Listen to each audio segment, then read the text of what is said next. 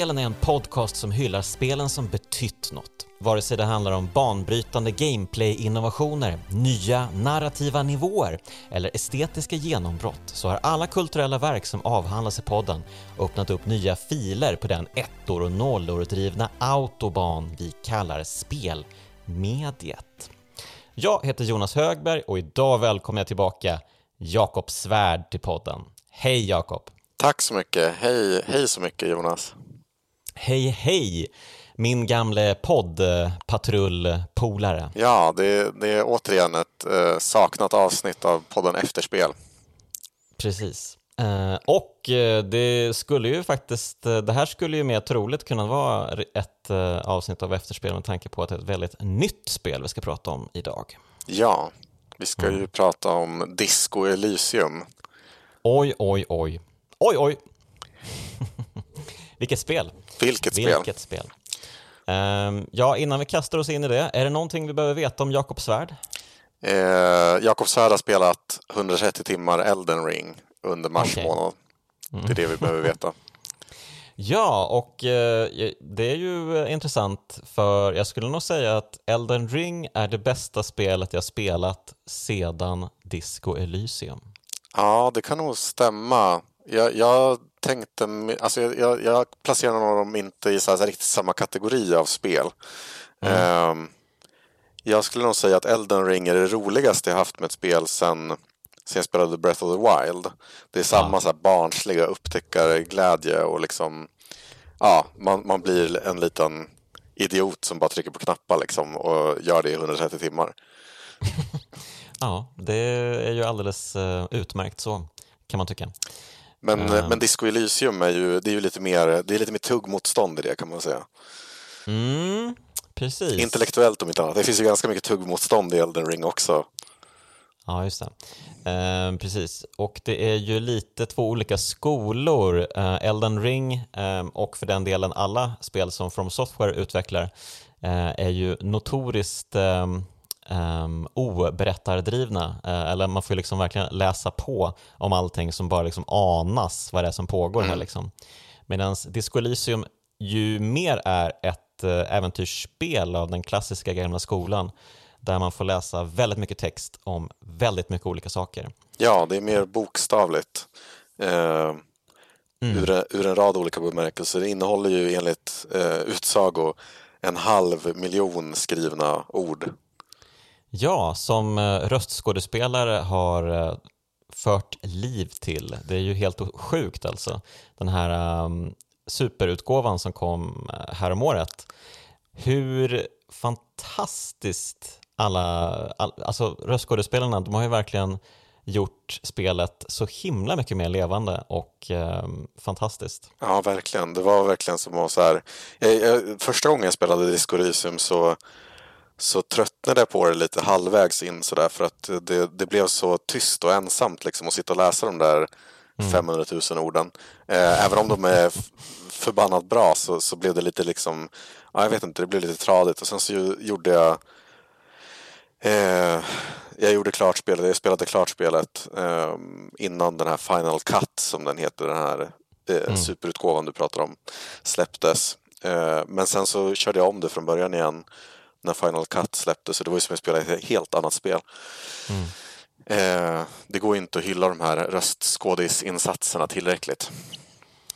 Nej, det, det kanske vi ska göra mer lite senare också. Mm, Men vi kan ju mm. börja med att eh, försöka fastslå här om det finns någon som fortfarande är lite ute i vassen och letar efter vad det här är för typ av spel så kanske vi kan bara lite snabbt eh, lägga lite grunder här. Mm. Eh, vad är Disco Elysium, Jakob? Ja, vad är Disco Elysium? Det känns som att vi kommer behöva ägna två timmar åt att definiera Disco Elysium.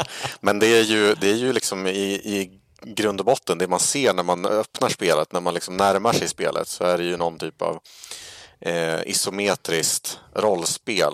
Inte helt olikt eh, Planescape Torment, eh, Baldur's mm. Gate, alla de där spelen där man ser fantasikaraktärer uppifrån. Men det här spelet är ju till skillnad från eh, många eh, fantasy-rollspel fyllt med innehåll. Mm. eh, fyllt med innehåll och så stannar du där. Ja, nej, men det var, det, jag tänkte att jag var rolig där, men jag kanske inte var så rolig som jag trodde. Eh, det, finns ju, det finns ju någonting här som, de här, som eh, inte finns i Baldur's Gate, får man väl ändå säga. Ja, jag spelade ju om, eh, inte hela Baldur's Gate, men eh, en ganska stor del av det och eh, ja, det, det håller jag verkligen med om. Alltså nivån på skrivandet Mm. i Disco Elysium, det saknar ju motstycke Verkligen. i, i spelhistorien. Verkligen. Det här nog, är det bästa manuset som någonsin gjorts Ja. till spel. Vi klubbar det, tycker jag. Ja, absolut. Och det är den vackraste kritiken mot nyliberalism och kapitalism som har skapats. Ja, precis. Det är roligt för du bad ju mig att eh, läsa på om lite grejer till den här um, snacket. Ja, men nu ska vi bli pretto, vet du. Herregud, alltså grej, grejerna jag fick läsa det var ju sjuka saker alltså. Du är ju ute och snurrar. Ehm, nej då, det var väldigt intressanta grejer. Ehm, och eh, faktum är att jag läser faktiskt eh, ehm, i jobbet lite, lite liknande grejer. Ehm, Men, eh, Mm. Men vi, precis, vi, jag kanske, kan vi ju- kanske kommer in på det eh, så småningom. Vi, Mm. vi gör en liten teaser där. Det kommer bli jävligt pretto den här podden till slut. Sådär äckligt pretto så att den smetar av sig liksom genom hörlurarna. Eh, Vi kan ju hoppas på det. ja. Ehm, men vi kan väl i alla fall börja med att eh, berätta lite smått om vad det är som pågår i Disco Elysium. Ehm, det liksom börjar ju med att man vaknar upp i ett kraschat hotellrum. Ehm, och eh, alltså i början så ser man ju egentligen ingenting, det är ju bara ett mörker. Och så hör man lite konstiga tankar. Eh, man börjar liksom komma till medvetande igen och då börjar Ja, då börjar, det börjar allt möjliga konstiga saker prata med en. Den, den, ehm, den uråldriga reptilhjärnan börjar tala till en. There is nothing. Only warm primordial blackness. Your conscious ferments in it. No larger than a single grain of malt. Ja, och just den här rösten görs ju av spelets eh, röstregissör Mike Goodman som även gör det limbiska systemet. Ehm, och, ehm, men det som eh, kanske är mest uppseendeväckande är ju då att eh, berättarrösten, ehm, den som försöker styra och ställa i, inuti huvudkaraktärens eh, huvud, ehm, den rösten görs av Lenville Brown som tidigare hade gjort exakt fyra ord i eh, röstinspelningssammanhang. Så att det här var ju otroligt. Han spelade in alltså sanslöst mycket dialog till det här spelet. This door can only be opened with a key or from the inside. As you hold the metal, you sense the warmth left there by her hand. Still no answer. You slam your fist into the vinyl. It does not produce a hole. The door sits sturdily in the frame, and your fist hurts. This was all a very good, normal thing to do. Eh, Men så att, eh, ja, han, man får ju höra hans eh, ljuva stämma som den här uråldriga reptilhjärnan och den är ju så här lite slingrig och reptilliknande och så här. Alltså, den, den väser. Den väser, exakt. Det är allt man behöver veta. Eh, och den säger ju, den talar ju till huvudpersonen som då ligger ehm, ja, halvt utslocknad. Eh, du behöver inte göra någonting mer, någonsin, ever, never ever. Och sen första val då i spelet är att antingen välja mellan never ever ever eller keep on non-existing. Det är ju den interna dialogen man har varje morgon när man vaknar. Precis, när väckarklockan ringer. Never ever ever eller keep on non-existing. Yes. Ja, och eh, svaret man får om man väljer det första så är det never ever ever ever baby. Som om det vore Austin Powers. Eh, Du, du gör en ganska bra eh, reptilhjärna här. Du kanske skulle kunna konkurrera till uppföljaren. mm, och sen så kommer det limbiska systemet eh, och kilar in lite från sidan med sin ihåliga tomma röst som kommer från avgrunden liksom. Och börjar prata om att du vill inte tillbaka till verkligheten för då kommer det bara vara massa kött som omger dig och det, det vill du inte ha pyssla med liksom. Ehm, och sen till slut då så öppnar man ögonen och ser det här trashade hotellrummet och eh, man inser att man är någon sorts medelålders snubbe som antagligen har gått eh, crazy här. Men man minns ju ingenting. Det är ju en klassisk eh, spel... In media res, eller vad heter det? Ja, det är väl en spa- klassisk spelkonvention. Eh, det är väl väldigt många spel som använder sig av eh, förlorat minne, ja, filmer också för den delen såklart. Mm. Eh, ja, men precis, som gör att vi kan lära oss om världen samtidigt som protagonisten gör det. Så det är ju en utmärkt eh, berättarteknik. Ja, och det här är väl inte... Ja, men precis, du tog ju upp att det här är ett, det är ett ganska flitigt använt grepp inom spel. Mm. Sådär. Eh, men det här är väl kanske ett av de bästa mm.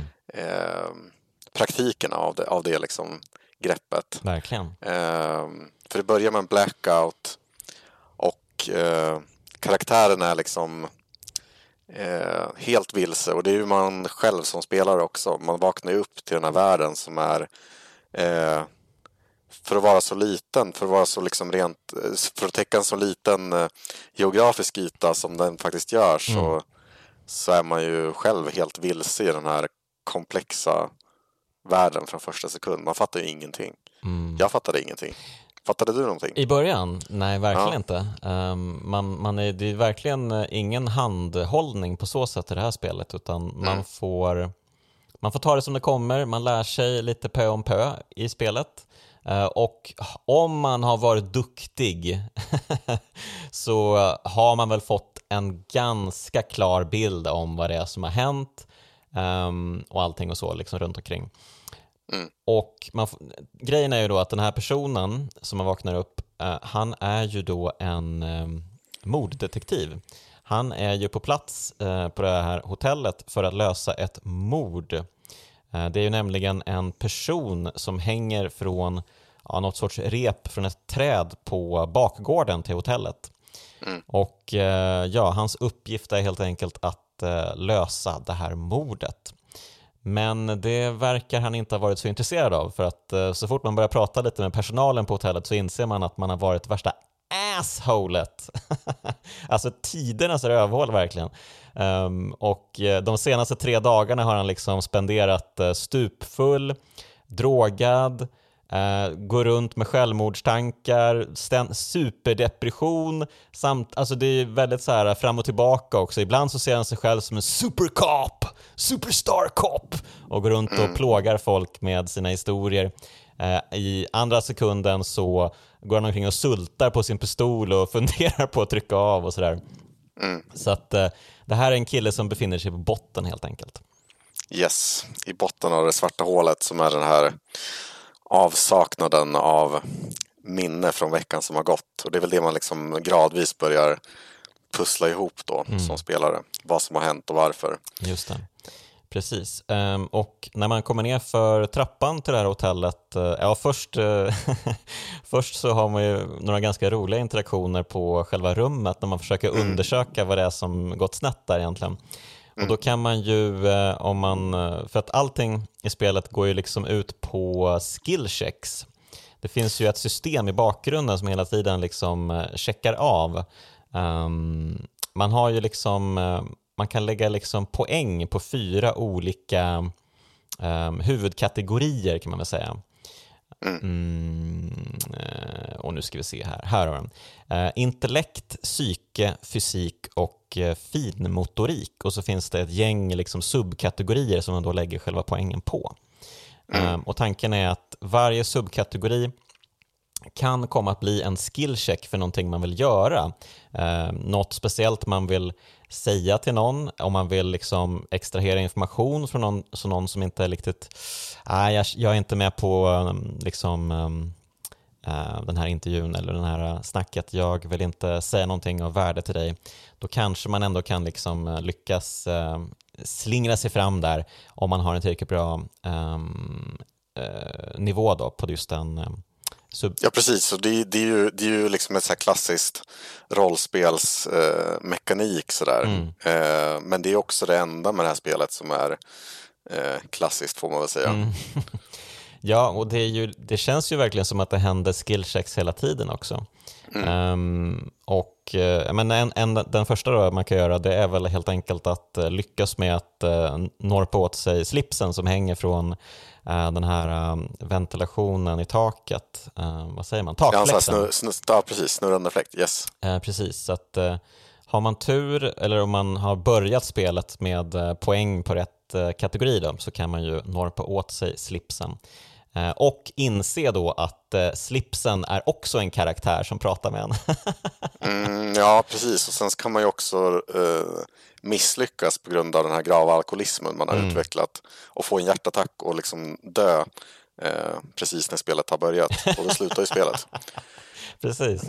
Och det, det, här spelet är ju, nu tar vi upp det här som exempel, men det, det här spelet är ju fullt av sådana här eh, o, mer eller mindre otippade eh, avvägar. Liksom. Det, det, går ju eh, ingen spelomgång är en andra lik, får man väl ta och säga. Ja, precis. Det händer ju saker gånger. nu. Jag spelade om, inte hela spelet, men jag spelade om en bit av spelet äh, igår och ähm, ja, det hände direkt grejer som inte hänt mig förra gången. Äh, även om jag inte gjorde sådär jättemånga så här, liksom, vitt olika val gentemot förra gången um, så var det ändå så här, helt plötsligt så hände det helt nya situationer som var väldigt mm. ja, spännande och roliga.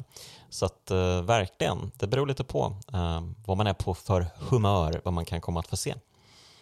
Ja, och det, det, kan vi komma in på lite senare, men en, grej som, en viktig grej som händer här i, inne på rummet är ju också att man kan gå fram till badrumsspegeln och få syn på sitt eget anlete. Precis. Eh, ja. Och det, då konstaterar ju Harry Dubois, jag vet inte hur man uttalar det, uttalar man det så? Harry Dubois. Säkert. Mm. Eh, som den här 44-åriga polisen heter. Han, eh, han konstaterar att hans ansikte är stelnat i uttrycket. The expression. Mm.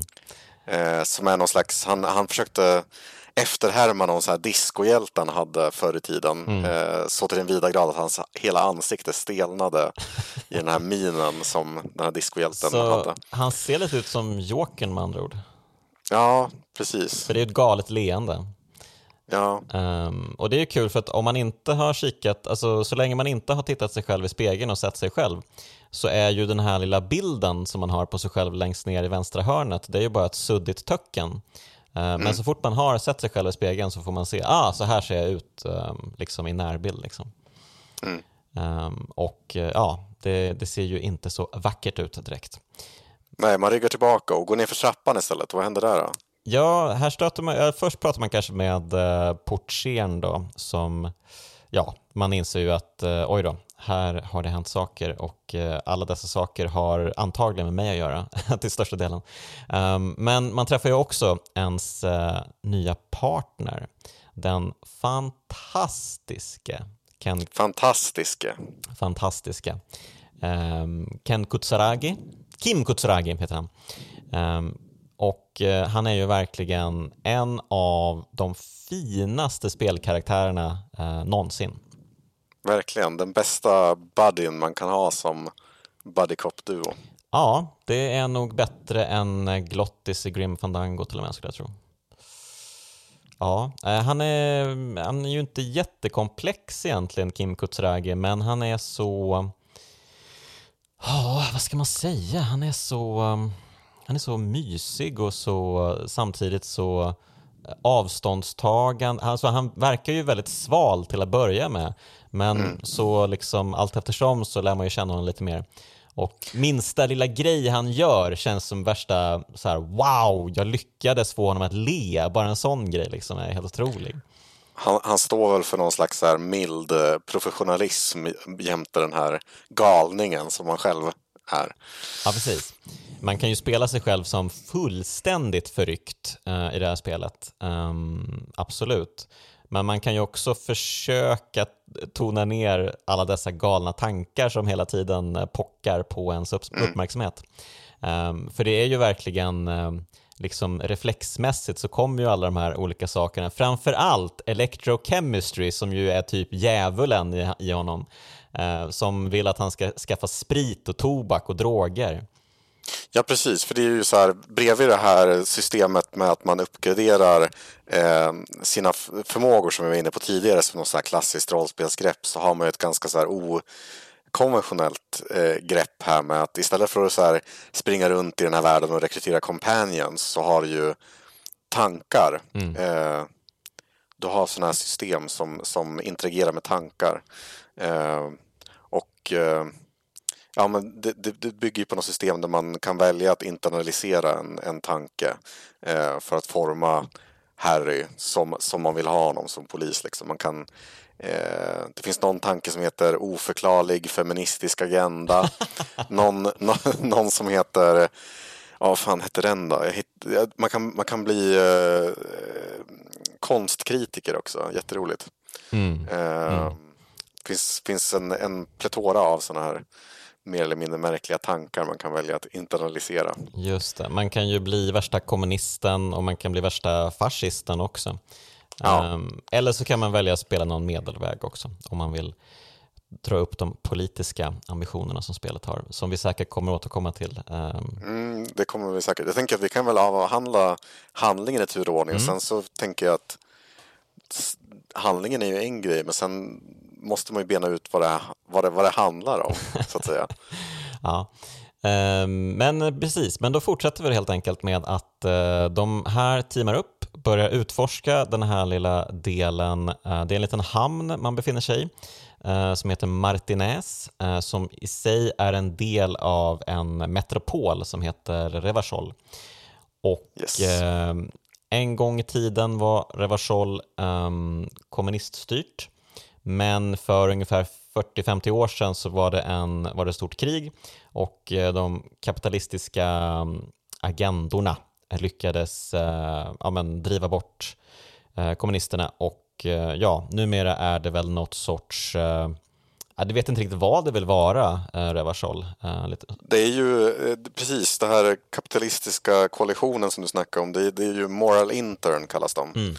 Eh, som är någon slags, det är ju jätteroligt. De, det, det är liksom någon så här eh, ultimat regeringsform där både vänster och högerkrafter eh, har dragit så långt mot mitten att det liksom bara finns det kvar. mm, känner vi igen den? Mm, precis. Ehm, ja. Precis. De, de eh, slår ju ner hårt på Revakol eh, där eh, under, under revolutionen och eh, dödar väl eh, den Marx som fanns, fanns där. Liksom. Mm. För samtidigt, eh, alltså, som jag förstår det, liksom, hela den här världen ehm, som allt utspelar sig på, som väl heter Elysium, det är väl hela världen som gör Yes. det, mm. Ehm, så finns det ju samtidigt en sorts märklig dimma som rör sig över allting som heter The Pale.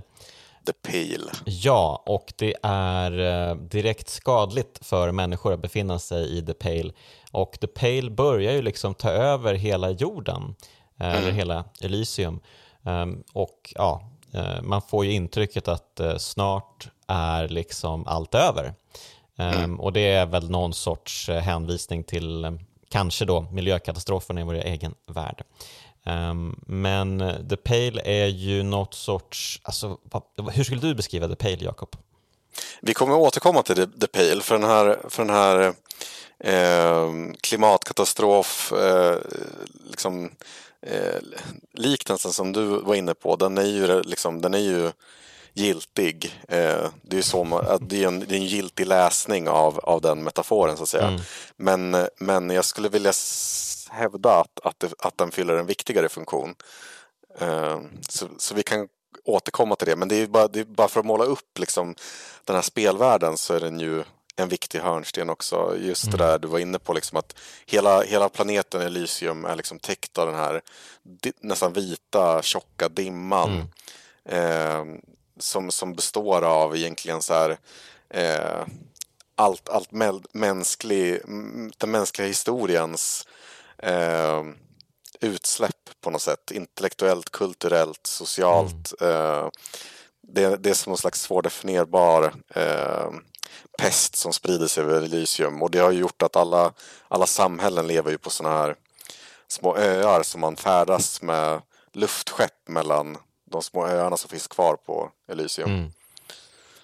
Ja, otroligt vackert när man tänker på det. Man får inte se riktigt det här um, um, luftskeppen och sånt um, på så sätt. Men um, ja, en um, vacker tanke. Man skulle gärna vilja se den här världen uh, fläskas ut lite mer kanske.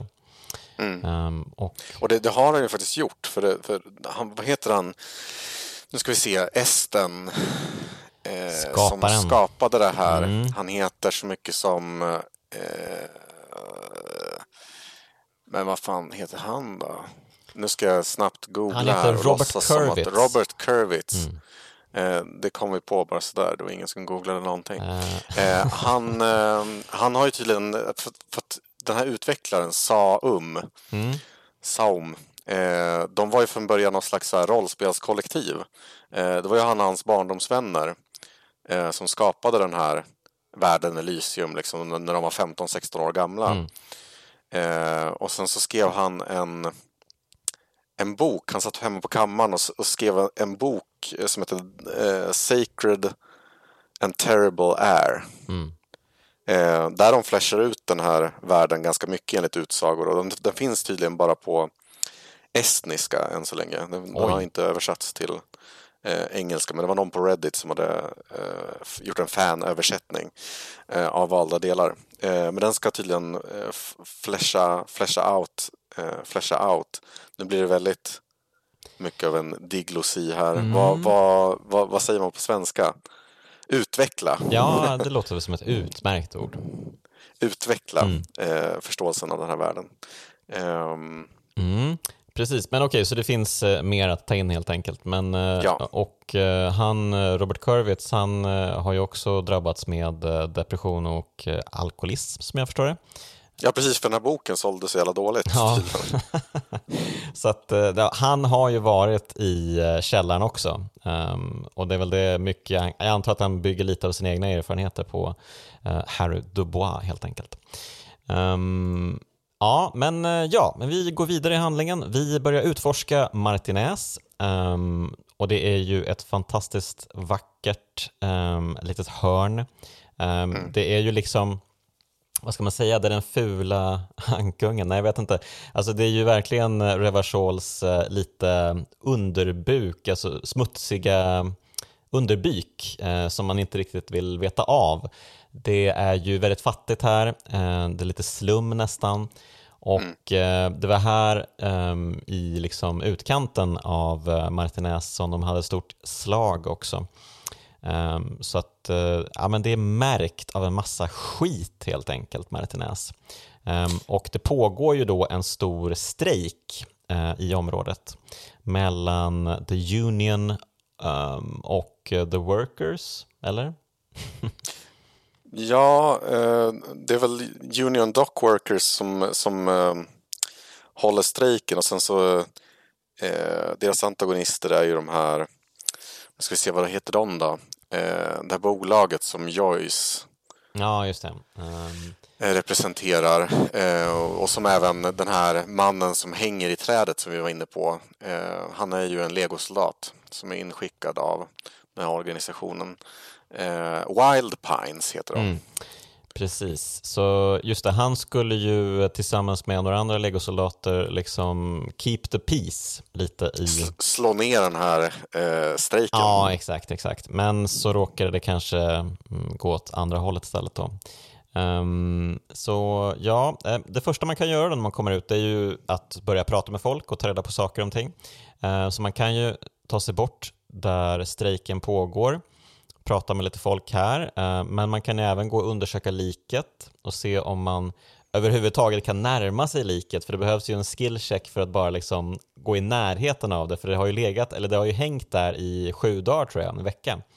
Och framförallt så kräver det ju tålamod av spelaren att ta sig förbi den här rödhåriga killen som står i vägen. Kuno. Kuno? Den fantastiska Kuno och inte minst hans eh, kamrat Kuno S. yes.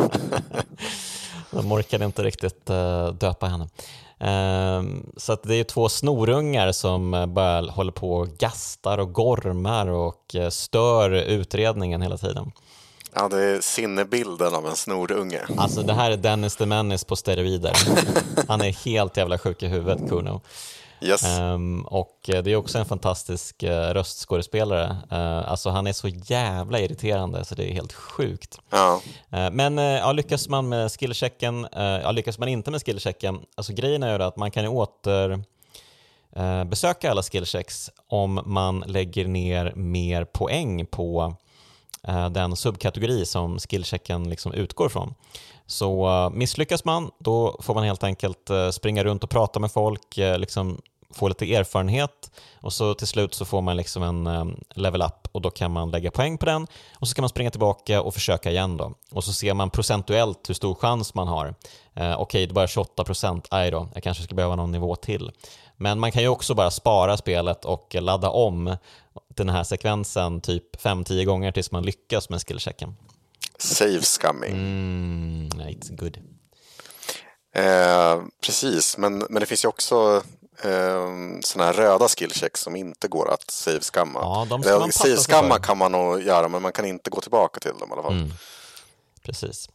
Um, ja, men uh, ja, har man tur då så lyckas man få ner liket. Um, jag lyckades uh, skjuta ner liket uh, med, man skjuter på den här bältspännet, för han är ju upphängd i ett bälte då. Um, och lyckas man pricka bältspännet så ramlar han ner. Jag tror mm. att man kan klättra upp också på trädet. Um. Ja, det finns ju en rad olika sätt att få ner det liket. Man kan också lämna liket så det fortsätter att ruttna. Liksom. Ah, okej. Okay. Så det liksom bara ruttnar ner genom bältet? Okay. Ja, precis. För det, spelet utspelas ju under en vecka. Alltså någon slags så här eh, fejkad realtidsvecka. Liksom. Att, att så här, varje kapitel i spelet är ett dygn. Liksom. Mm. Eh, så, och, det, och det finns ju inga sådana där... Eh, du, du kan ju liksom... Du kan ju i praktiken ställa dig och typ panta flaskor i, i, tre, i tre dygn. precis, liksom. precis. Ja. Det finns ju en sån tanke man kan internalisera om The Hobo Cop. Ja, precis. Man behöver ju pengar i spelet också. Det, det är ju, man går ju och plockar på sig lite små slantar som ligger lite här och var, men man behöver ju ganska mycket pengar. Dels för att betala av notan till eh, hotellet då, som är ganska saftig efter all mm. skit man har liksom gjort där. Ja, precis. För Harry har ju glömt bort konceptet med pengar ja. när, man, när man startar spelet. precis. Så det måste han få eh. förklarat för sig också. Uh. Precis, sen finns det ju några sådana alternativa vägar. Man kan sova eh, under öppen himmel och sådär på vissa ställen. Eh, mm. Så det finns ju vägar förbi eh, kapitalisten i hotellet. Precis. Å andra sidan så kanske man börjar må lite dåligt av dessa val. Mm. mm. Man, man kan ju liksom eh, börja ta till flaskan ganska omedelbart men eh, han är ju illa däran den här Harry Dubois och man kan ju supa supa ihjäl sig helt enkelt. Mm. Ganska tidigt i spelet. Och den här electrochemistry, han är ju ganska duktig på att eh, försöka uppmuntra en mm. till, till, till, glaset. det känns som att han dyker upp i varenda konversation bara. Hörru du, eh, varför pratar du om det här? Ska du inte ge dig ut på jakt efter sprit istället? Precis som i verkligheten. Mm, mm. Så att, eh, ja, nej men man, man springer väl runt helt enkelt och pratar med en massa människor. Det finns ju bland annat ett, um, en apartment building, vad säger man, alltså en lägenhet eller en... Um, ett lägenhetshus. Ett lägenhetshus, men så finns det ju också ett uh, företagshus, alltså en um, kåk för massa olika typer av företag där. Ja, en gammal galleria är det väl nästan, ja, alltså någon slags här kontorshotell typ. Precis, och där har ju nästan alla verksamheter slagit igen dem. Ja. Kapitalismen har svikit dem. Och eh, det finns egentligen bara en bokhandel och när man väl utforskar eh, de övriga våningarna så hittar man fram till en, eh, ja det är väl en tärningstillverkare? Ja, precis. Det är ju det här Doomed Commercial Area kallas det. Mm, precis. Så någonstans så kan man liksom, man, man måste ta sig ner i källaren först där det finns en jättestor björn som är liksom modellerad av, alltså ska, ska föreställa en isbjörn och så är det ett stort, eh, en stor frys inuti björnen. Mm. Eh, men bredvid där så finns det liksom ett hål, någon sorts um, ja, chimney, alltså någon sorts um, skorsten. En ugn. En skorsten. ugn skorsten som är kopplad som når upp i byggnaden så kan man skrika in i den och uh, så hör den här tärningstillverkaren en och bara ja, jag ska öppna dörren åt dig, det är bara att komma upp här och snacka med mig. Um, mm. Och hon verkar ju jättemysig och härlig och någon gammal eh, rollspelstärningstillverkare typ. Ja precis, som sitter och karvar ut sådana här T20 till rollspelsnördarna. Exakt, jättefint, jättegulligt. Um, så att man lär ju känna massa olika roliga karaktärer i spelvärlden. Um, mm. Och så ja, får man ju information, eh, ganska bristfällig information till en början. Men eh, ja, när, i takt med att eh, spelet fortlöper så får man ju snart veta allt mer. Och man får ju även eh, ringa in då, eller det kan man ju välja själv, men om man väljer att vara lite stand-up guy så kan man ju ringa in till högkvarteret och berätta att man, inte nog med att han, man super ner sig till apstadiet, eh, så kan man ju berätta då för, för sina poliskollegor att eh, hoppsan, jag har visst eh, tappat bort min eh, ID-bricka och min pistol också. Mm. Och eh, så blir man ju utskrattad av samtliga. Eh, samtidigt som det påpekas tydligt att det här var väldigt allvarligt. Nu ligger du väldigt pyrt till ska du veta. Mm. Och då får man ju också veta mer om sig själv som karaktär. Eh, man får ju veta att man har varit on the bender ganska länge då. Och att man inte har så mycket till övers för varken sitt eget liv eller för andras. Mm. Och det liksom, någonstans i bakgrunden så antyds det, ja, det finns eh, en, eh, en eh, kvinna som på något sätt har, eh, ja, som kanske har gjort slut med honom, som också ligger och liksom tär på hans eh, medvetande. Mm. Ja, men eh, ja, och sen då... Precis, för det, det, det, det som händer här är ju att ehm, man, man, tar kontakt med både Wild Pines, de här eh, ja, företaget som vill slå ner strejken då, och den här Everard Clare. Mm, eh, fack, fackpampen. Eh, extremt bra fackpamp. Åh, oh, rösten är underbar. Welcome Mr. Dubois, Mr. Kitsuragi. It's good of you two to stop by. Please, have a seat. Ja, och, och hela utseendet och, och liksom, ja, estetiken. Verkligen symbolen av en fackpamp. Verkligen. Eh, och då, då, får man ju reda på att eh, den här mannen som har hängt i trädet, hur många dagar det nu blir i din spelomgång, eh, han, han dog inte av den här hängningen utan han, han eh, blev mördad innan hängningen. Ja, precis. Så i mitt fall då så lyckades jag ta reda på det genom att eh, när han låg på marken då så var jag inne och, och uh, mysade till det i hans mun och sen så grävde jag mig djupare och djupare. Mysade du till det i hans mun? Jag myste till det i hans mun och grävde djupare och djupare in i hans mun och sen, ah, här är det något hål och sen så kom jag in i hans hjärna och så fortsatte jag. Ja men se här en kula, vad trevligt. Klassiskt polisarbete. Exakt. Eh, så att ja, han har blivit skjuten i huvudet och det är det som är dödsorsaken. Yes. Um, och när man har liksom fått det här klart för sig så stöter man ihop med de här råbarkade typerna, The Hardy Boys. Mm. En grupp med uh, hamnarbetare mm. som, uh, som vill ha någon slags här, uh, laguppehållande funktion också. Men det är väl någon slags vilda västern-lag då. Mm. De, är, de är någon slags eh, vigilanter. Mm. Eh, och de, de tar på sig de tar på sig mordet. Men det är liksom, man får ju genast en känsla av att så här enkelt är det ju inte. Mm, mm. Precis. Um, man blir misstänksam om man får liksom svaret på mysteriet efter två dagar. Liksom bara, Jaha, mm. det var ni. Okej, hur ska vi göra nu då? Nej, det stämmer inte. Um, då, för man, man upptäcker det om man hittar eh, ett sånt här kassett, kassettband med någon inspelning av någon av de här Hardy Boys personerna. Eh, där han till synes då erkänner en våldtäkt. Mm. Eh, den här eh, den här legosoldaten som hänger i, mm. i trädet. Lily heter han va? Lily. Mm. Lily.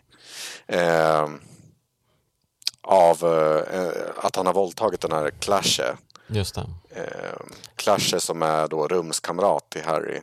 Eh, Ah, inte rumskamrat va? Ah, nej, bor, bor nästers, så att säga. Ja, precis. Och hon är ju spelets eh, femme fatale. Hon, man, det är ju den första personen man kan prata med eh, när man väl vaknat upp. Hon står precis utanför hans rum där och eh, suger på en cigarett tror jag.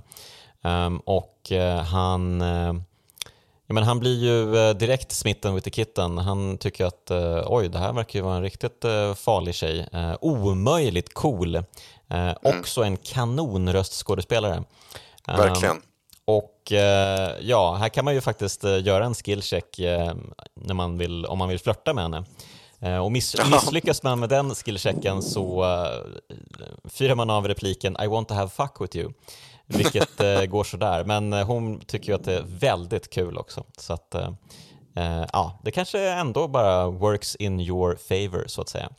Men, I want to have fuck with you. men hon är ju väldigt, ehm, det här är ju en person som, alltså hon berättar ju typ ingen sanning nästan om sig själv eller om eh, läget. Alltså hon ljuger ju om sina lögner. Alltså hon är Som ju, en häst travar. Det är helt otroligt. Ehm, så att hon har ett stort mörker över sig och eh, ja, hon berättar många olika liksom, saker som skulle kunna vara orsak till saker och ting.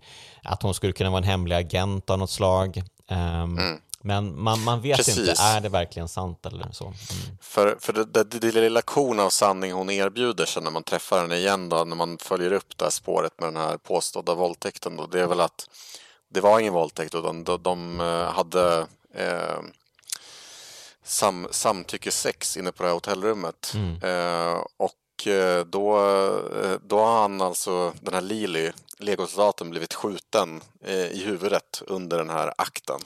Ja, en kula ehm, ja, från fönstret helt enkelt. Eh, träffade honom och eh, Clashe eh, såg ju ingenting. Hon vet ju ingenting om vem det var som sköt. Men hon, tack vare hennes bakgrund där som, som, eller på grund av hennes bakgrund som företagsspion så är hon ju rädd att eh, någon är ute efter henne eh, och då av misstag har skjutit den här Lily. Och det är därför hon eh, drar igång eh, Hardy Boys-gänget och liksom försöker iscensätta eh, ja, någonting annat, en cover-up. Precis. Ehm, och ungefär i det här läget så får man ju också tillfälle att utforska en ny del av spelet. Ehm, eh, för det är väl efter tre dagar som man får tillfälle att utforska liksom eh, bortom hamnen. Det finns ju liksom ett helt område ute i ödemarken kan man säga, där det finns lite olika byggnader. Ehm, det finns något gammalt fiskarsamhälle. Ehm, det finns en jättefin kyrka. Ehm, Det finns något sorts nöjesområde tror jag det är. Någon sorts nöjespark som har, ja, det var en nöjespark en gång i tiden, nu är det ju bara ruiner. Ja, och lite andra kåkar och byggnader, någon sorts militäranläggning också. Så att, eh, ja, det finns ju massa utforska där helt enkelt efter tredje dagen för då ehm, då kommer en bro på plats. Ehm, Jag kommer inte ihåg exakt vad det var med bron där, men ja, Det är ju en vattensluss va, som blir lagad. Ja, så var det. Vattensluss, precis. Ehm, och då får man ju även veta eh, Harry the Boys eh, tredje fuck-up. Inte nog med att han förlorat sin ID-bricka och sin pistol, så har han dessutom lyckats krascha polisbilen eh, precis eh, bortom den här vattenslussen.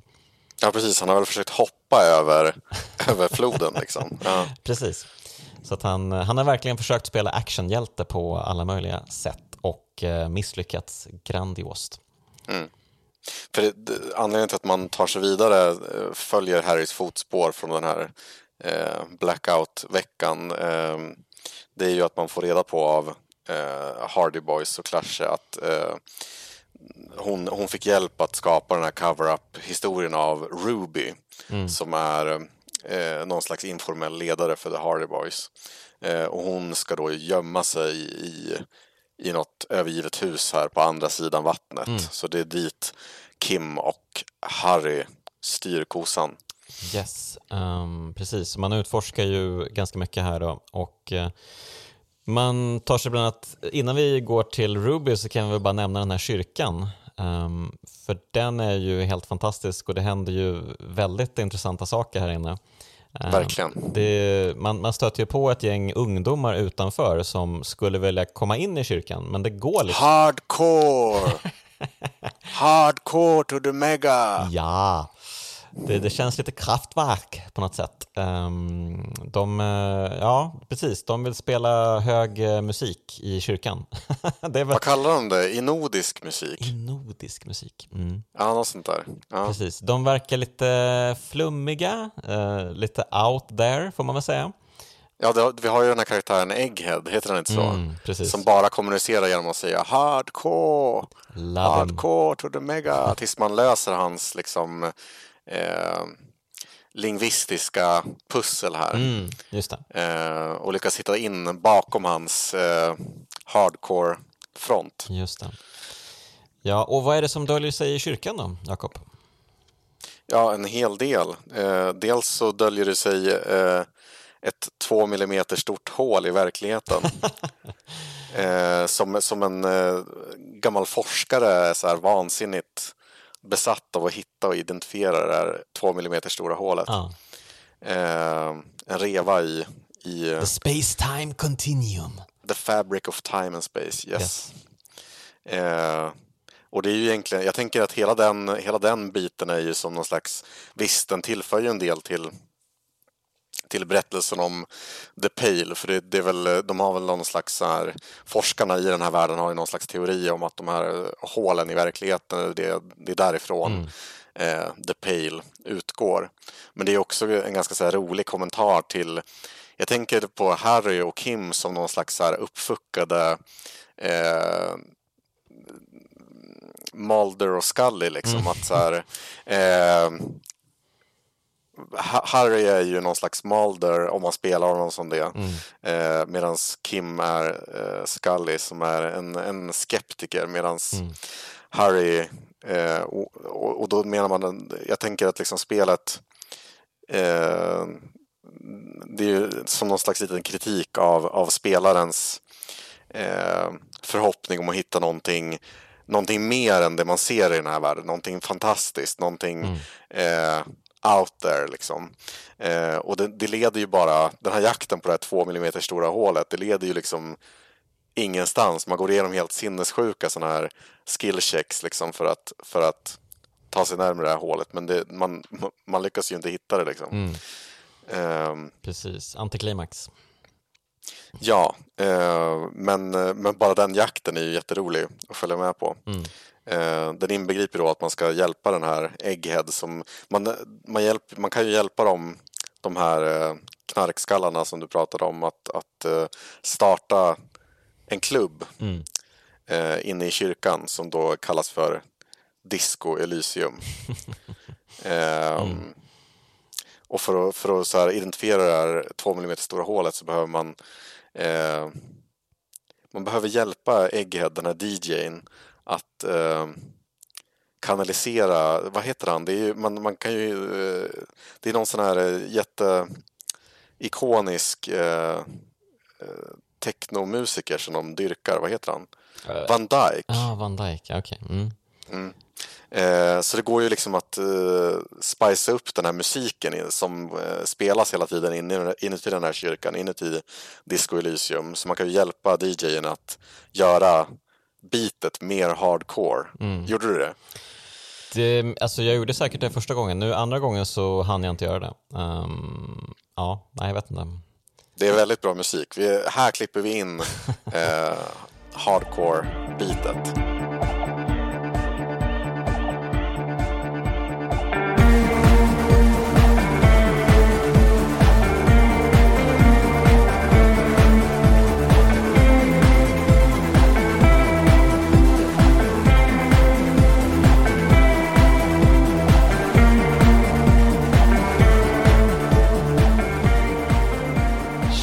Men eh, så att man kan ju hjälpa in dem i kyrkan och eh, så att de samexisterar med varandra då, den här forskaren och eh, de här typerna. Men det finns ju också eh, någon märklig karaktär som gömmer sig i taket på kyrkan också.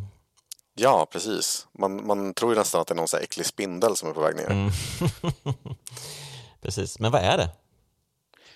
Eh, Det är väl en, en, en man som dyrkar Dolores Day va? Mm, och Dolores Day är väl liksom den här världens Jesusfigur. Eller påve kanske? Ja, uh, var det en påve? Okej. Okay. Ja, för hon är väl, alltså det, så som de beskriver de här, vad kallas de för? Inte deities utan eh, divines, eller de mm. kallar ju dem någonting. Okay. Eh, att det finns ett antal sådana historiska människor som är exceptionella på något sätt och som, som får liksom en religiös beundran i, i kulturen som existerar under den här tiden. Mm. Eh, och Dolores Day var den, här, det var den senaste sån här över, övermänniskan som samlade eh, den här centrist, eh, centrist eh, moral intern-regeringen där alla, alla har dragits till mitten, den absoluta politiska mittpunkten. Okej, okay, okej. Okay. Mm. Så att uh, det är hon som är liksom orsaken till att uh, det ser ut som det ser ut helt enkelt? Ja, eh, med reservation för att det säkert finns någon liten sån här quest som jag har missat som, som kanske nyanserar porträttet av henne också. Jag vet inte. Det känns som att det finns någonting under varenda sten man kan vända på i det här spelet. Mm, mm. Yes, um, men ja, men vi eh, beger väl oss till uh, Ruby då. Um, man lyckas ta sig in i hennes, uh, jag vet inte ens vad den här kåken är för någonting. Um, den verkar vara någon gammal lagerlokal kanske, uh, oklart. Mm. Uh, men ja, man träffar ju på henne här nere då och tänker att ja, det är du som ligger bakom allting. Nu ska du få spö, men så enkelt blir det ju inte. Hon lyckas ju fly, uh, tror jag, i alla möjliga fall. Man... Ja, precis. Hon vänder ju någon slags så märklig megafonliknande vapen mot den som spelar eh, som skickar ut så koncentrerad pale mot den så att man blir helt jittery och stannar. precis. Så att, eh, jag vet inte exakt vad man vinner på att prata med henne. Man får väl någon sorts ny information men det känns också lite så här antiklimaktiskt eh, hela det här um, ja, konfrontationen. Ja men precis, för det, det, är ju, eh, man kan ju antingen, hon tror ju att Harry är en korrupt snut. Mm. Um, så hon, antingen så flyr hon eller så dödar hon sig själv då, genom att skjuta sig själv i huvudet. Uh, Oj, okay. Men då kan man, då kan man uh, övertyga henne. Om man är tillräckligt empatisk så kan man övertyga henne om att inte göra det. Eh, det är en bra grej att göra. Eh, men då återvänder de här eh, detektivduon till, till stan helt enkelt. Mm. Där de stöter på Hardy Boys. Eh, alltså de här hamnarbetesmaffian eh, har, har råkat i luven på eh, Wild Pines eh, legosoldaterna. Ah. Precis. Um, och, det, och, det, här är en sån jävla scen. Ja, det är helt otroligt. Det här är ju... Jag, hmm, kan, man, kan man möta alla de här legoknektarna? För jag kände att en av de här hade jag aldrig stött på tidigare. Um... Ja, du menar han med, med uh, sån här prickskyttesgevär? Exakt. Mm, nej, jag, har inte, jag såg inte heller till honom. Nej, nej okej. Okay. Så att, uh, ja, men eh, hur som helst, det är ju ett gäng då och de verkar ju vara ganska unhinged, de här legoknektarna. De är ju eh, de har väl jagat upp sig själva att nu ska de banne mig visa hämnas, hämnas sin eh, vän då. Mm. Och ja, det blir ju en otrolig konflikt. Beroende på vad man själv är bra på här så kan det gå mer eller mindre dåligt. Alltså folk kan ju verkligen dö här. Det är den första och enda striden i hela spelet. Mm. Precis, så att uh, man kan ju faktiskt skjuta uh, folk här. Och, uh, mm, men eh, det slutar väl i alla fall med att man själv blir skjuten? nej, nej, det gör det inte. Okay. Det, det, finns ett antal möjligheter här. Jag, jag råkar ut för en annan möjlighet. Mm. Berätta. Jo, jo man, man själv kan bli, skjut, bli skjuten i alla fall, men man kan, man kan klä sig i den här legosoldaten, mm. det tog vi inte upp. Eh, det. det. här spelet är ju inte besatt av eh, så här rustningsdelar och sånt där som ger fördelar som andra rollspel. Utan man, man klär ju sig i, man hittar ju nya slipsar eller flugor eller sådär som kanske gör det mer, mer karismatisk men, men mindre empatisk och sånt där. Eh, Just det. Och en, en, den enda rustningsdelen delarna som går att hitta i hela spelet är ju den här hängda mannens eh, keramiska eh, rustning och då kan man alldeles i början där så kan man prångla av det här liket eh, hans eh, harnesk, eller vad säger man, liksom den här torson. Nej, Eh, torson, alltså det enda han har på sig är väl stövlarna när man stöter på honom. Ja, okej, då hittar man nog torson någon annanstans. Just det, det är stövlarna i början. Precis, för att Ehm. eh, då, vet du, Kuno slängde ju eh, ehm, den här hjälmen i vattnet tror jag. Mm. Ja, jag, hittade torson någon annanstans. Om man klär sig i den, eh, då, då, tar, då tar den här keramiska rustningen emot smällen från, från pistolen då, där man blir skjuten i den här scenen. Eh, men sen finns det ju en rad eh, kons möjliga konsekvenser här. Det, det är liksom flera i det här Hardy Boys-gänget som kan dö. Eh, och sen kan ju även Kim, vår bästa vän Kim, kan ju faktiskt eh, bli skjuten och eh, satt ur spel för resten av spelet. Ja, det vill man inte. Det vill man inte. Ja, nej men precis, så att eh, här kan det hända saker. Och, eh, men det slutar väl med att man vaknar upp någon dag senare då, eh, i mitt fall då i alla fall, jag blev ju skjuten, eh, men lyckades eh, avsyra det mesta som jag minns det, eh, från att gå fel. Så ja, och då får man ju ett tips att bege sig ut till en ö utanför Martinez. Ja, precis. För Clash eh, har ju försvunnit från sitt, sitt hotellrum. Men hon har ju lämnat eh, någon typ av tråd. Mm. Nånt, någonting, det är någonting som visualiserar var skottet kom ifrån. Och då, då upptäcker man ju liksom att skottet måste ha kommit ifrån eh, en annan ö, en annan del av eh, Martinez. Det är helt sjukt alltså. Hur kan man skjuta med sån ackuratess så långt bort? Mm. Ehm, ja, så att man tänker att det här måste ju vara någon sorts uh, supermänniska, övermänniska som har utfört dådet. Så man beger sig ut på en liten uh, skranglig uh, båt och åker iväg med Kim och landar på den här lilla ön som väl var någon sorts fort en gång i tiden.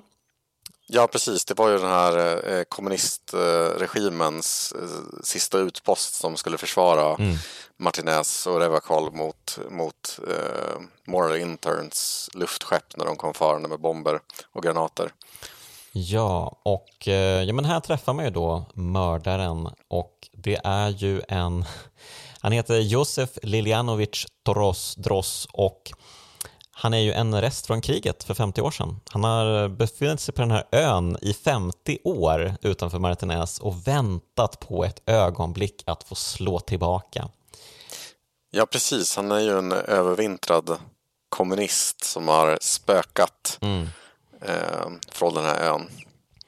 Och eh, precis, han har ju, numera så är han ju en extremt bitter man fylld av hat och eh, alltså han har väl liksom spanat på folk i stan i sitt eh, kikarsikte. I, Jag har varit, eh, levt inuti stan också. Precis, han har ju befunnit sig där också. Men eh, han brukar väl ofta liksom spana på folk med kikarsiktet. Och så råkade han få syn på eh, den här sexakten helt enkelt. Och Mellan Clash och den hängda mannen. Ja, och jag vet inte exakt vad som var hans... Var, han ville väl få någon sorts revansch helt enkelt på The Man. Eller på... Ja, de beskriver ju, de beskriver ju dels någon så här psykosexuell besatthet vid Clash. Eh, men det känns ju bara som att det är någon, att de eh, rör vid ytan där, utan det handlar ju om eh, att han, han, han är ju liksom kommunismens spöke som tittar in mot eh, resterna av det som kunde ha varit i Martinez. Eh, som nu har liksom eh, plattats till av kapitalism och centrism. Eh, och och han, han, han fortsätter att nära det här hatet som eh, brinner starkt i honom får man väl ändå säga. Och eh, ja, man kan ju lätt, gan- ganska lätt oskadliggöra honom. Eh, man behöver ju inte, absolut inte döda honom utan man kan ju bara liksom den här killen, han har ju befunnit sig här ute i The Pale i 50 år eh, och han är ju inte riktigt eh, vid sina sinnens fulla bruk heller utan det är ju tydligt att han börjar liksom tappa det. Han är, går mot eh, han börjar väl bli dement till och med. Um, Så att eh, det är ju ganska synd om honom egentligen. Men beroende på hur man har skött sig i spelet då så kan man ju faktiskt ehm, ja, först och främst så stöter man ju på någonting här som är otherworldly. Ja, verkligen. Och det här är en av de eh, vackraste eh, uppdragen i spelet. Det är ju en, en, eh, ett sidouppdrag som man stöter på här när man börjar utforska Martinez. Mm. Man stöter på en kryptozoologist, kryptozoologist, som är någon slags, jag vet inte vad man ska beskriva det som. Han, han, han har en så här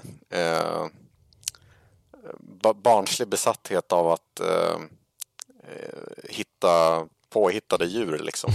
Mm. Eh, Så man kan väl säga Och- att han är en sorts zoolog, alltså att han, han är en upptäckare, han är också någon sorts, ehm, ja, eh, vad är han? Eh, Bedragare? Eller? Nej? Nej, bedragare tror jag inte, men, men han är väl nå- någon som, om man ska dra en parallell till vår, vår värld så är han väl en, en person som tror på Bigfoot liksom och, Mm. och eh, jagar efter Bigfoot och ägnar hela, hela sitt liv åt att jaga efter Bigfoot. Eh, och då kan man ju som spelare eh, antingen avfärda den här löjliga jakten på storfot eller eh, liksom gå honom till mötes och hjälpa honom att rigga fällor Mm. för eh, The Insulidian, vad kallas den? Eh, The Insulidian eh, crypt, Cryptoid. är det tror jag. Cryptic, Ja. Cryptoid, någonting Cryptoid. sånt. Eh, ja. som han, det, är, det är det djuret han vill fånga helst av all, allt. Liksom. Och så kan man hjälpa honom att rigga fällor för det och undersöka om det här djuret verkligen finns. Och så där. Eh, hur gjorde du? Eh, hur jag gjorde för att prata med den? Nej, hur, hur gjorde du? Eh, valde du liksom att eh, hjälpa honom i jakten på det här omöjliga insekten? Ja, eller? absolut, det gjorde jag ju. Mm. Ehm, för precis, det här är väl killen som har den här rullstolsburna frun, va? Precis, Mm. som har stött, stöttat honom under hela hans karriär som kryptozoolog. precis. Ja. Insulin, Insulindian Phasmid heter den. Just det, så var det. Ehm, precis, och det är ju, ja hur ska man beskriva den här varelsen? Den ser ju outrageous ut. Ehm, Ja men precis, för man tror ju under hela den här eh, uppdragskedjan liksom att så här, okej det här är, det här bara är bara en gammal man som är tok, to, tokig och tossig liksom. Mm. Eh, men så visar det sig i det här avgörande ögonblicket på ön där man har spårat den här mördaren Josef. Så plötsligt så stiger den här Insulindian Phasmid insekten fram ur vassen. Mm. Och då om man har tillräckligt eh, investerat tillräckligt i den här electrochemistry tror jag Mm. eh, så kan man kommunicera med den här insekten och det är ju eh, ja, ett av de vackraste spelsluten jag har sett. Mm, verkligen. Ehm, precis, så att man, eh, ja exakt. Man, ha, har man eh, gjort den här questen ordentligt så kan man ju prata med den här saken. Mm. Ehm, och eh, få lära sig mer om hur the otherworldly liksom ser på människan och dess plats i naturen och sådär. Ja, det är ganska, ganska breda liksom, penseldrag här. Ja, precis, för det är, det är en väldigt vacker metafor. Nu kanske vi, för nu har vi egentligen kommit fram till slutet eh, av handlingen i spelet. Ja, precis. Alltså det sista som händer är väl att man kommer tillbaka till stan eh, och då har ju alla poliser från ens eh, distrikt eh, kommit för att eh, utvärdera Harry, vad han har gjort Ja, summera vem man är. Ja, exakt. Så här får man liksom svart på vitt alla ens val man gjort och så. Och eh, ja, i mitt fall så hade jag gjort ganska bra ifrån mig så de tyckte att eh, det är klart du ska fortsätta vara polis. Mm. Och eh, Kim, han kanske kommer över till vårt distrikt och hänger med dig. Det vore ju perfekt. Ja, men det, blev, det blev samma för mig faktiskt. Okej. Men jag tänker ändå att det är att det är här med The Insulindian Phasmid som spelet slutar. Alltså det, det, det är ju där allting ställs på sin spets. Så då kanske vi kan eh, skifta den här podden till att handla lite om eh, vad, vad handlar allt det här om? För nu har vi gått igenom handlingen och det är ju liksom, det låter ju inte, låter det spektakulärt? Jag vet inte, jag är osäker på om någon som inte har spelat det här spelet skulle förstå eh, Disco Elysiums storhet om de bara hade lyssnat till det vi sa nu. Ja, det är ju inte handlingen som gör spelet eh, så intressant, självklart. Utan det är ju, det är ju manuset, allt som ryms inuti hela världsbygget, alla tankar om politiska åsikter, verkligheten. Eh, det, det ryms så otroligt mycket i Disco Elysium. Mm. Och eh, alltså jag har jättesvårt att liksom få, få styr på allting, för det är så, det är så mycket. Ja, men vad bra, då ska jag hjälpa dig. Gärna. Du kan ju börja med att förklara vad tusan capitalist realism är. Ja, precis. Nej, men för att de, här spelskaparna, Saum, de är ju djupt influerade av en brittisk filosof som eh, tyvärr tog livet av sig för några år sedan, eh, som hette Mark Fisher, som fick en oväntad hit med, eh, ja, hit och hit, men den var väl en hit i filosofiska kretsar kanske. Han skrev en bok som hette Capitalist eh, Realism. Och det han menar med det här, det är ju eh, någonting som attribueras till en annan filosof som heter, vad heter han då? Han heter Sl- Slavoj. Eh, ja, det, jag, jag, jag fäktar i minnet men jag hittar inte vad han heter. Men han, han konstaterar i alla fall att It is easier to imagine the end of the world than it is to imagine the end of capitalism. Eh, och det menar väl Mark Fisher då eh, i sina skrifter, liksom att, att det det fångar eh, kärnan i vad kapitalist realism är, vilket, vilket alltså är eh, den eh, notion av att eh, i, i den kapitalistiska verkligheten så är det eh, inte bara så att eh, kapitalismen är förhärskande och dominerar människan utan att det finns inte ens några tänkbara alternativ längre. Eh, och att det här eh, kraftigt begränsar människans eh, fantasirikedom och eh, livskraft. Eh, är väl tesen överlag. Då. Och sen så har eh, Mark Fisher lånat ett begrepp från en fransk filosof, eh, tänkare, Jacques Derrida. Säger man så? Derrida? Säkert. Vi säger att man säger så. You're on your own man. Han har lånat ett begrepp där i alla fall som, som Derrida kallar för ont, eh, ontology. På franska så är H1 eh, stumt så att man uttalar det precis som ontologi. Eh, men det, står, det, det, det, stavas alltså H-A-U-N-T-O-L-O-G-Y. Hauntology. Ontology. Eh, vilket eh, Derrida då eh, definierar som att, att Marx, eh, Marx och kommunist, kommunismens spöke hemsöker eh, den kapitalistiska eftervärlden. Eh, och det finns ju någon slags tanke här eh, hos Mark Fisher som är influerad av en annan eh, filosof, författare, eh, Fukuyama, som skrev en uppmärksammad och djupt kritiserad bok som heter eh, The End of the World and the Last Man, där han menar att när eh, Sovjetunionen, Sovjetunionen faller, när liksom eh, kalla kriget upphör, eh, så upphör också den här eh, linjära historieskrivningen som bland annat Marx eh, tror på att du vet att man rör sig från ett eh, socioekonomiskt system till ett annat. Att liksom, eh, efter ett politiskt system så, så föds ett nytt.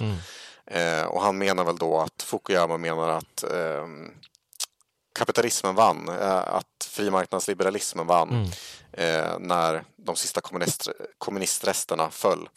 Eh, och det här har han ju, i, i nutid så har han ju Fukuyama tagit tillbaka det här och liksom blev hårt kritiserad för det. här. För det, det ser vi ju om inte annat idag med liksom, eh, Ukraina-krisen att så här, eh, Sovjets spöke lever ju liksom kvar i allra högsta grad där med Putins ambitioner. Men eh, Mm, samtidigt kan man ju säga också att eh, kapitalismen har väl ändå liksom börjat eh, ta över även Ryssland. Ja, precis.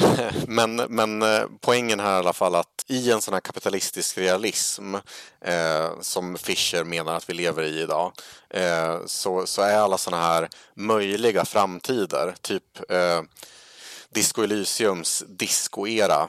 Eh, någonting, det, är en, det är en framtid som gick förlorad eh, men som fortsätter att hemsöka oss idag. Liksom. Eh, jag vet inte om du känner till det men det finns ett sånt här eh, Disco Demolition Night. Nej, det? Eh, det var ett event eh, som inträffade i juli 1979 på en baseballarena i Chicago. Eh, då två eh, vita eh, rasistiska jävlar till DJs eh, brände massa diskoskivor på bål. Eh, lite likt så här Hitlers bokbål. Eh, och har väl liksom eh, gått till historien som någon slags stort så här mm, dagen då diskon dog liksom. Ah. Eh, så här, det, det är där eh, så, som man kan spåra liksom titelns disco till. Att eh, disco, disco var ju liksom en kultur som, som under senare halvan av eh, 1900-talet stod för liksom eh, ja, men en viss här, progressiv, ett visst mått av progressivitet. Eh, man, det, det var liksom en, en eh, både svart och eh, ja, men, eh, hbtq-influerad eh, subkultur liksom, som eh, då den här eh, vita cismannen brände på bål i juli 1979. Eh, och Revacol, den här spelvärlden, är ju full av sådana här möjliga framtider. Eh, vi besöker ju Martinez efter att kommunismens möjliga framtid är utraderad. Eh, Moral Intern har ju bombat den sönder och samman men den poppar ändå upp som den här diskon eh, i liksom nutiden. Eh, och det är väl, det, det, är väl, det, det är väl där som, som den här hauntologin eh, genomsyrar eh, Disco Elysium. Liksom att det, det, är en, det är en värld där människor mår dåligt. Alltså alla de här Kuno och Cindy eh, och de här unga personerna i Disco Elysium, de är ju liksom satta på droger och mår superdåligt liksom.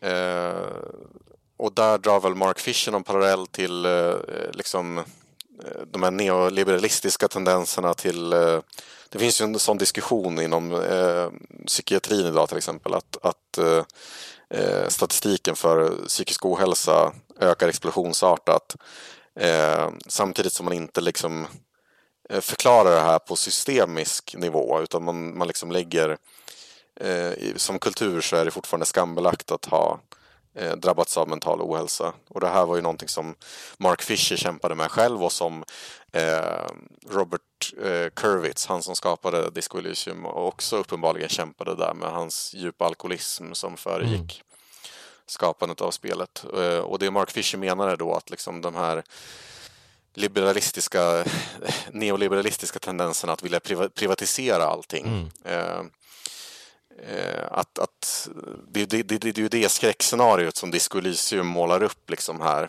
Eh, att, att man får en ung generation som, som är helt nedslagen och i praktiken i den här kapitalistiska realismen eh, i den här kapitalistiska verkligheten saknar möjlighet att föreställa sig någonting annat än droger och eh, att sjunka djupare ner i det här svarta hålet.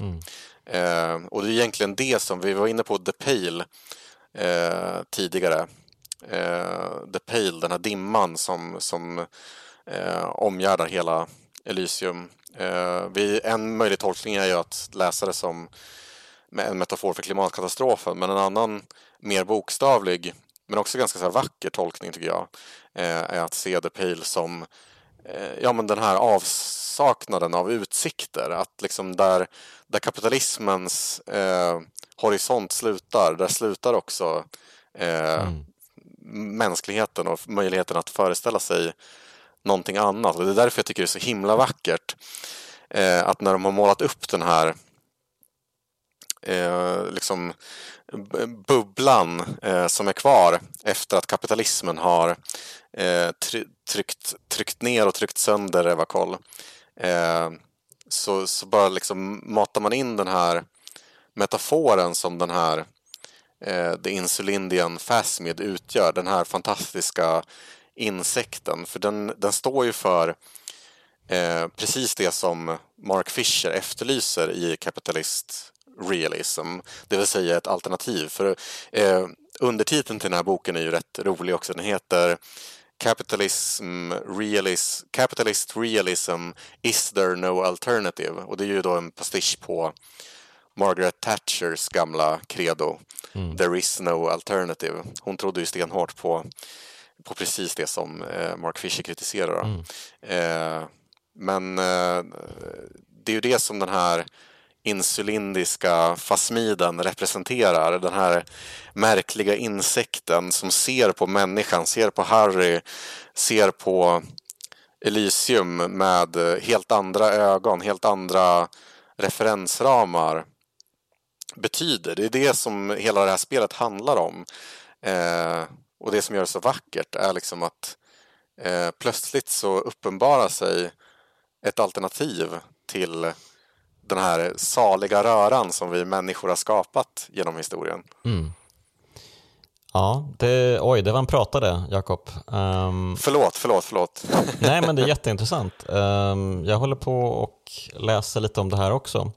Eh, om hur eh, faktiskt just eh, eh, nyliberalism, nyliberalismen och eh, frihandelsavtalen på 90-talet eh, satte krokben för hela miljörörelsen och hur det liksom omintetgjorde all, eh, allt hopp vi har egentligen om att stoppa klimatkrisen. Ehm, så att det skulle väl också kunna liksom flikas in i det här sammanhanget. Om man vill se The Pale som just eh, klimatkrispåminnelse. Precis, och det, det som är så vackert här är att här, när, man, när man säger så här antikapitalism eller kapitalismkritik i spel och film och sånt där så är det ofta på en väldigt basal nivå. Alltså om, man, om du tänker på typ så här Wall-E. Det är ett exempel som Mark Fisher tar upp. Eh, där man liksom målar upp det, du vet, det är en klassisk trop eh, i västerländsk kultur. Alltså med så här, man målar upp det stora on, onda storföretaget. Ja. Och, och att det får representera liksom kapitalism. Men det Mark Fisher menar är att det där är liksom en för, en för grund kritik av eh, kapitalismens ondska. Liksom. Eh, för att den där kritiken är på något sätt, han menar att den upprätthåller i sin tur den kapitalistiska realismen eftersom den är så grund. Vi, vi kan liksom säga att vi hatar pengar, att vi hatar kapitalism, att vi hatar de där mekanismerna. Men när vi alla beter oss, när vi alla agerar eh, som att eh, kapitalistiska drivkrafter eller pengar är, fortfarande är någonting heligt. Eh, då kommer vi aldrig att komma någonting. För, men han menar också att det finns, och det, det tycker jag är väldigt tydligt i det här spelet också, att det, han menar att det finns någonting politiskt i att känna sorg eh, över att världen är som den är. Liksom. Att den här, den här sorgen och ilskan som dagens unga, den här uppgivenheten eh, som många, många eh, känner idag. Jag kan också liksom sälla mig till den skaran av uppgivna unga, höll jag på att säga. jag är gammal och inte särskilt uppgiven, men jag, jag tycker inte om eh, det här systemet som vi lever i på något sätt. Eh, och det är lätt att liksom att eh, om man landar i så här, okej jag tycker inte om världen vi lever i.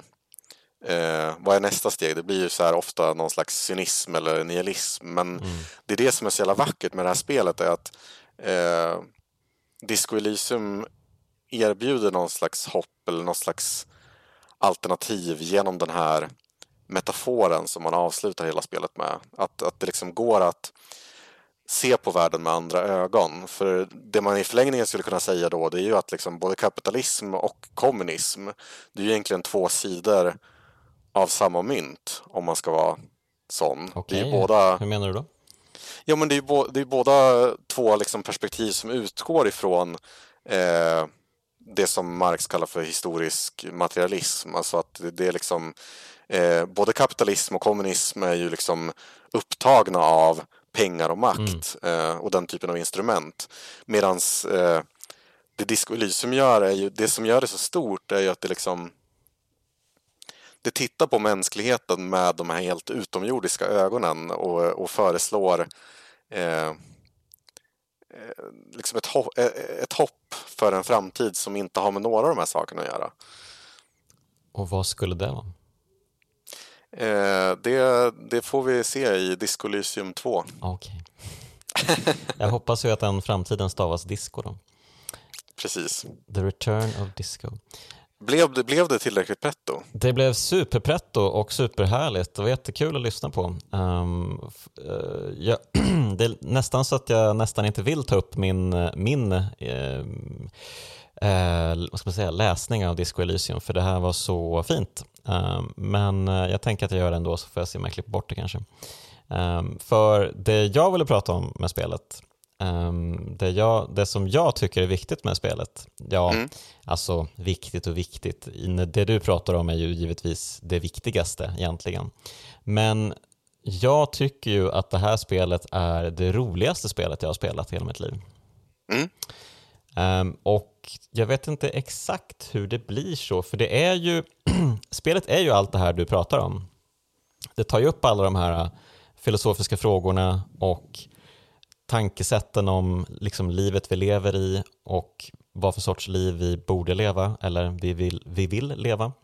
Um, och det finns ju så himla mycket, alltså man kan ju verkligen läsa så himla mycket om kommunism och fascism och det finns så många exempel på det i spelet också. Um, det är verkligen helt eh, fullproppat med så här, vad ska man säga, viktig läsning eller saker att ta till sig. Men Um, men ja, alltså när jag tänker på spelet så tänker jag framförallt på hur otroligt roligt det är. Och det är kanske så roligt för att det är roligt samtidigt som det har allt det här andra. Um, att det liksom bryter igenom på något sätt uh, allt detta viktiga eller liksom det stora så finns det ja, hela ja, tiden. Ja, precis. Mm. För samtidigt som det är så här pretentiöst och eh, intellektuellt och eh, superintressant på den nivån så är det ju eh, det är ju liksom eh, barnsligt. Det är ju nästan kiss och bajshumor, eller på att säga. Ja, kanske inte just kiss och bajshumor. Uh, I och för sig, det kanske finns uh, lite sådana uh, aspekter, absolut. Men... Ja, men du fattar, du, du, du, du, ja, jag, du nej, förstår, jag förstår vad jag menar. Jag förstår absolut vad du menar, för det är ju inte den, alltså det är inte superintelligent humor, men det, alltså det, det blir så magnetiskt roligt i det här liksom sammanhanget. Um, mm. Bara det att uh, ja, men när man, man befinner sig ute i, um, ja, men ute i um, ödemarken, de här övergivna byggnaderna, så kan man ju stöta på uh, en plats där, det blev, där ett gäng människor blev avrättade i revolutionen. Um, Eh, eller när ja, de här makterna kom och tog över helt enkelt för 50 år sedan, mm. um, så kan man ju få se liksom en, uh, man ser liksom en representation av hur det kan ha sett ut. Då. Um, och det är ju en ganska um, somber, vad ska man säga, ödesmättad uh, stämning där liksom, oj, ja okej, okay, det var det här som hände, vi ser en massa kulhål i väggen och uh, reflekterar på det här.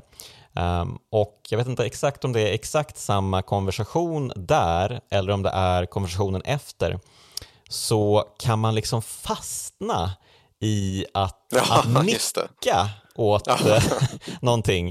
Uh, nods enthusiastically, typ. Och så mm. fortsätter man med det som svar hela tiden på um, det kanske Kim säger, jag kommer inte ihåg exakt um, vem det är som uh, triggar det här.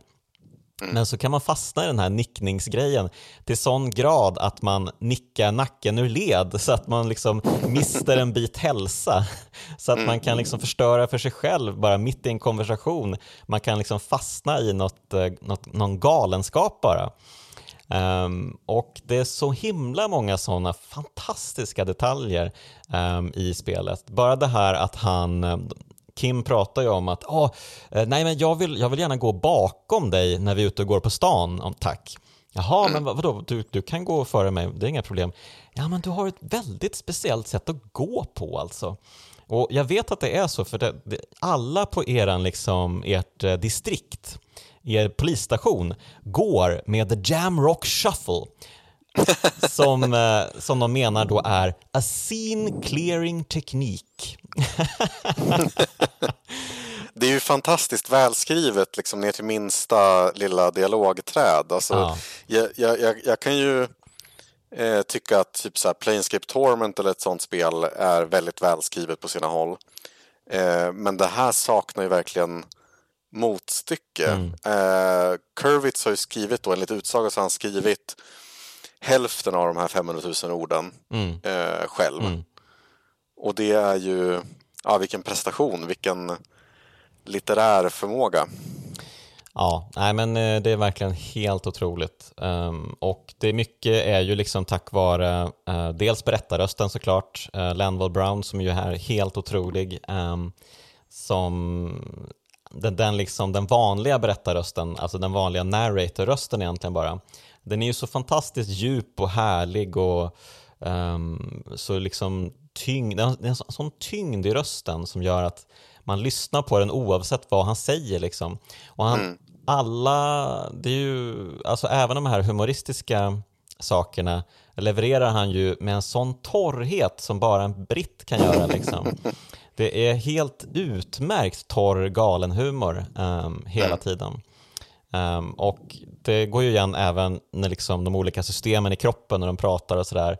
Uh, det är någon som pratar om ja, um, the mysteries of the spinal cord. Han har aldrig liksom gett sig till känna för han har ingen ryggrad den här karaktären. Bara, vem är the, the, spinal cord? Vi har aldrig stött på honom. Liksom. så att, uh, ja, det är så fantastiskt alltså. Och um, Uh, ja, men det är liksom, det, den här humorn den, den dyker ju upp nästan i alla konversationer lite pö om pö mm. um, och verkligen lättar upp allt det här extremt allvarliga, extremt tunga liksom, som vi hela tiden uh, dealar med. Så att mm. jag tycker att det, det, är en minst lika viktig del i alla fall, för min del. Uh. Ja men verkligen, det, det, finns ju sådana här små detaljer i varenda byggnad och vrå i den här världen. Jag tänker också på Eh, det, det, finns ju inte, det finns inte datorer i den här världen. Mm. Eh, men däremot så kommunicerar man med någon typ av eh, kassettbands... Eh, ja, vad är det för någonting? Kassettbandspelare, stora kassettbandspelare. Mm. Eh, och då får man reda på att det finns, eh, har funnits ett gäng misslyckade spelutvecklare i den här Doomed Commercial Area. Det. Mm. Eh, och det är väl också någon slags eh, så här, koppling till, till Saum, alltså deras eh, strapatser där. Mm. Eh, för det börjar ju också som ett rollspel och sådär. Ja, jag vet inte, det känns som att allting i det här spelet är gjort med en oerhörd fingertoppkänsla. Oftast blir man ju mm. arg. Oftast blir man ju arg eh, mm. många gånger eh, under, under loppet av ett helt spel. Liksom. Ja. Eh, på att någon, någon har gjort någonting idiotiskt. Liksom. Men jag har jag har aldrig blivit arg på Disco Elysium. Det är liksom smakfullt och eh, eh, bäst hela tiden. Ja, smakfullt och larvigt och eh, bäst. Ja, men verkligen. Um, mm. Ja, eh, även nu när jag liksom spelar om det um, igår så blev jag ju liksom chockad flera gånger för att det var så smart eller alltså smart, alltså det var någon gång där i början av spelet um, man pratar med sig själv när man precis börjar prata med Klatsche um, mm. och uh, man inser, ja men uh, jag vill gärna ragga på den här, um, eller vill jag det? Hmm. Och så har liksom ens olika system i kroppen olika, en konversation med varandra liksom. Och så får man en uh, skillcheck när man ska ljuga för sig själv om att inte ragga på tjejer med the expression. och eh, jag minns det, jag blev helt chockad och bara det här är så briljant. Det här mm. är så fantastiskt. Och mm. grejen med det här spelet är ju att det händer, ja men kanske en gång i halvtimmen att man bara baxnar. Bara, hur är det möjligt att mm. de lyckats så fantastiskt? Ja, men både du och jag har ju liksom rätt, eh, rätt långa spel karriärer bakom oss. Vi har ju spelat många spel. Mm. Eh, och det är det man tänker. Hur är det möjligt att en spelutvecklare överraskar mig, alltså genuint överraskar mig eh, en gång i halvtimmen mm. när det annars går liksom, ja jag vet inte, nu låter jag cynisk, men det kan ju gå liksom år mellan gångerna jag blir överraskad av ett spel. Ja, verkligen. Det eh. är eh, fantastiskt. Jag älskar den här eh, man kan göra någon slags inland empire check i början med Kim mm. där eh, och försöka, jag tror att den är rankad som impossible. Man kan ju försöka övertyga Kim, den här nyktra eh, prof professionella polisen om att eh, det finns ett sexigt mysterium i bakgrunden av hela den här historien. Just det. Uh, ja, det är så... Mm. Man blir så glad man pratar om Disco Elysium bara. Det, det är ett Mm. spel som alla borde spela, inte bara en gång, utan minst två gånger. Ja, men och som alla spelutvecklare borde spela. För det här är ju liksom eh, en uppvisning av fantasirikedom. Alltså om vi, om vi åsidosätter det här eh, pretentiösa tankegodset som jag ägnade en halvtimmes monolog åt att redogöra för nyss. Eh, så är det ju liksom fantasirikedomen, alltså det här eh, ja, men precis som spelet i stort handlar om att föreställa sig någonting som vi inte har föreställt oss förut så är ju det är någonting som går igen i varenda detalj i det här spelet. Det är ju, det är ju ett spel man aldrig har spelat förut. Och det är ju liksom, om jag tar fasta på någonting så är det väl det som gör det här till ett kraftspel. Tack för att du sammanfattade. Det, jag skulle precis fråga dig, men det, då behöver jag inte göra det.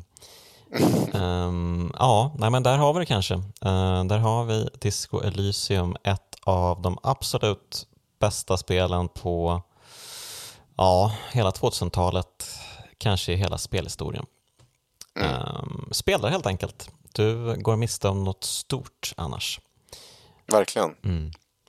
Ja, stort tack Jakob för att du än en gång gästade Kraftspelen. Tack för att jag fick sitta här och babbla en söndag i mars om eh, det bästa jag har spelat på år och dagar. Nu ska jag återgå till mitt Elden ring mashande, mitt hjärndöda Elden ring mashande. Spoiler, det är april Jakob. Är det april? Oj, jag har spelat för mycket Elden ring. Ja. Och ett stort tack till dig som lyssnar. Ett stort tack även till de finfina gossarna i Bitpopbandet 047 som gör Kraftspelens signaturmelodi.